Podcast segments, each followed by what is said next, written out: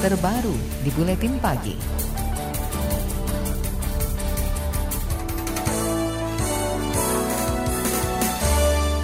Pemerintah berencana mengirim ratusan nelayan dari pantai utara Jawa atau Pantura ke perairan Natuna untuk menghadapi Tiongkok dalam konflik perbatasan. Strategi ini digunakan setelah Indonesia melancarkan nota protes dan menggencarkan patroli keamanan laut. Menteri Koordinator Politik Hukum dan Keamanan Mahfud MD menyebut pengerahan ratusan nelayan ini untuk meningkatkan aktivitas tangkap ikan sekaligus bentuk bela negara demi mempertahankan kedaulatan. Hukum internasional mengatakan bahwa perairan perairan yang mereka masuki itu adalah perairan sah kita Indonesia dan kita yang berhak mengeksplorasi maupun mengeksploitasi kekayaan laut yang di situ termasuk 200 meter ke bawahnya dari dasar perairan itu. Itu menurut hukum hak kita. Nah sekarang dimasuki karena kita kurang hadir di sana. Menko Polhukam Mahfud MD juga membuka kemungkinan bakal mengerahkan nelayan dari daerah lain ke Natuna. Ia memastikan seluruh nelayan yang dikirim akan mendapat perlindungan dari negara. Mahfud kembali menegaskan, pemerintah Indonesia menutup pintu negosiasi terhadap Tiongkok. Saudara ratusan nelayan asal Jawa Tengah mengaku diminta pemerintah untuk melaut dan menjaga kedaulatan NKRI di perairan Natuna, Kepulauan Riau. Ketua Himpunan Nelayan Seluruh Indonesia Kota Tegal, Riswanto, meminta perlindungan agar dapat melaut di Natuna dengan aman. Ia menyebut sebelumnya terdapat program migrasi nelayan ke Natuna, namun program ini tak berjalan karena tingginya biaya operasional yang mencapai 500 juta rupiah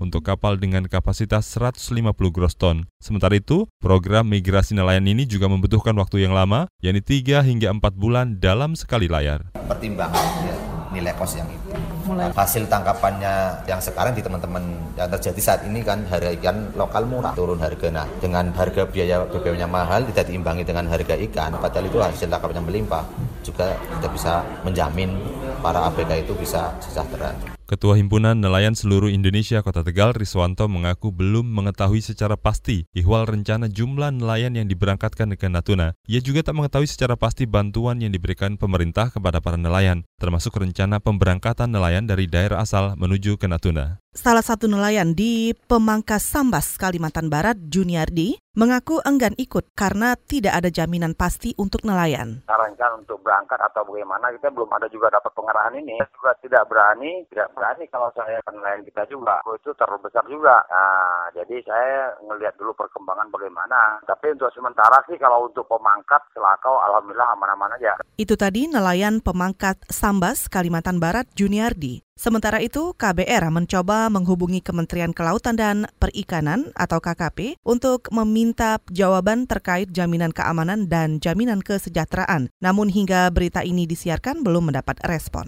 Saudara Kesatuan Nelayan Tradisional Indonesia KNTI meminta pemerintah melakukan proses yang jelas terkait rencana pemberangkatan nelayan dari Pantura ke perairan Natuna. Ketua Harian KNTI, Martin Hadiwinata menyebut, nelayan yang dikirim ke Natuna harus punya kapasitas dan kemampuan yang mumpuni untuk berlayar di sana. Tidak mudah untuk nelayan beradaptasi berganti alat tangkap dan juga kapal sebab karakteristik perairan di Pantura dengan Natuna sangat berbeda. Prosesnya tidak bisa hanya mindahin dari nelayan menangkap di yang biasanya mungkin di perairan timur gitu ya, timur sama atau Laut Jawa, tiba-tiba dikirim ke zona ekonomi eksklusif di Natuna gitu. Kondisi arus dan lain-lain kan berbeda nih. Itu yang harus dipastikan bahwa mereka tidak hanya sekedar dipindahkan dari uh, dari Pantura ke sana gitu. Nah itu kan nggak pas seperti itu. Itu sama saja menumbalkan nelayan Indonesia. Ketua Harian KNTI Martin Hadi Winata khawatir bila persiapan tak dilakukan matang, maka akan berisiko kepada nelayan, utamanya soal keselamatan. Meski ia mengakui jumlah nelayan Indonesia di kawasan Natuna jumlahnya masih sangat rendah. Selain itu, ia juga mendesak TNI AL dan Bakamla untuk memperkuat pengawasan di perairan Natuna. Badan Keamanan Laut atau Bakamla menyebut terdapat puluhan kapal dari Tiongkok yang berada di perairan Natuna. Direktur Operasi Laut Bakamla Nur Syawal Embun merinci, sedikitnya ada lima kapal penjaga pantai asing beserta 60-an kapal nelayan yang berada di Laut Indonesia. Sementara itu, Kementerian Kelautan dan Perikanan atau KKP berjanji akan segera memproses hukum kapal asing pencuri ikan di Natuna. KKP mengklaim telah menahan sejumlah kapal asing. Pelaksana tugas Dirjen Sumber Daya Kelautan dan Perikanan Nilanto Perbowo mengatakan tengah menyiapkan gugatan ke pengadilan.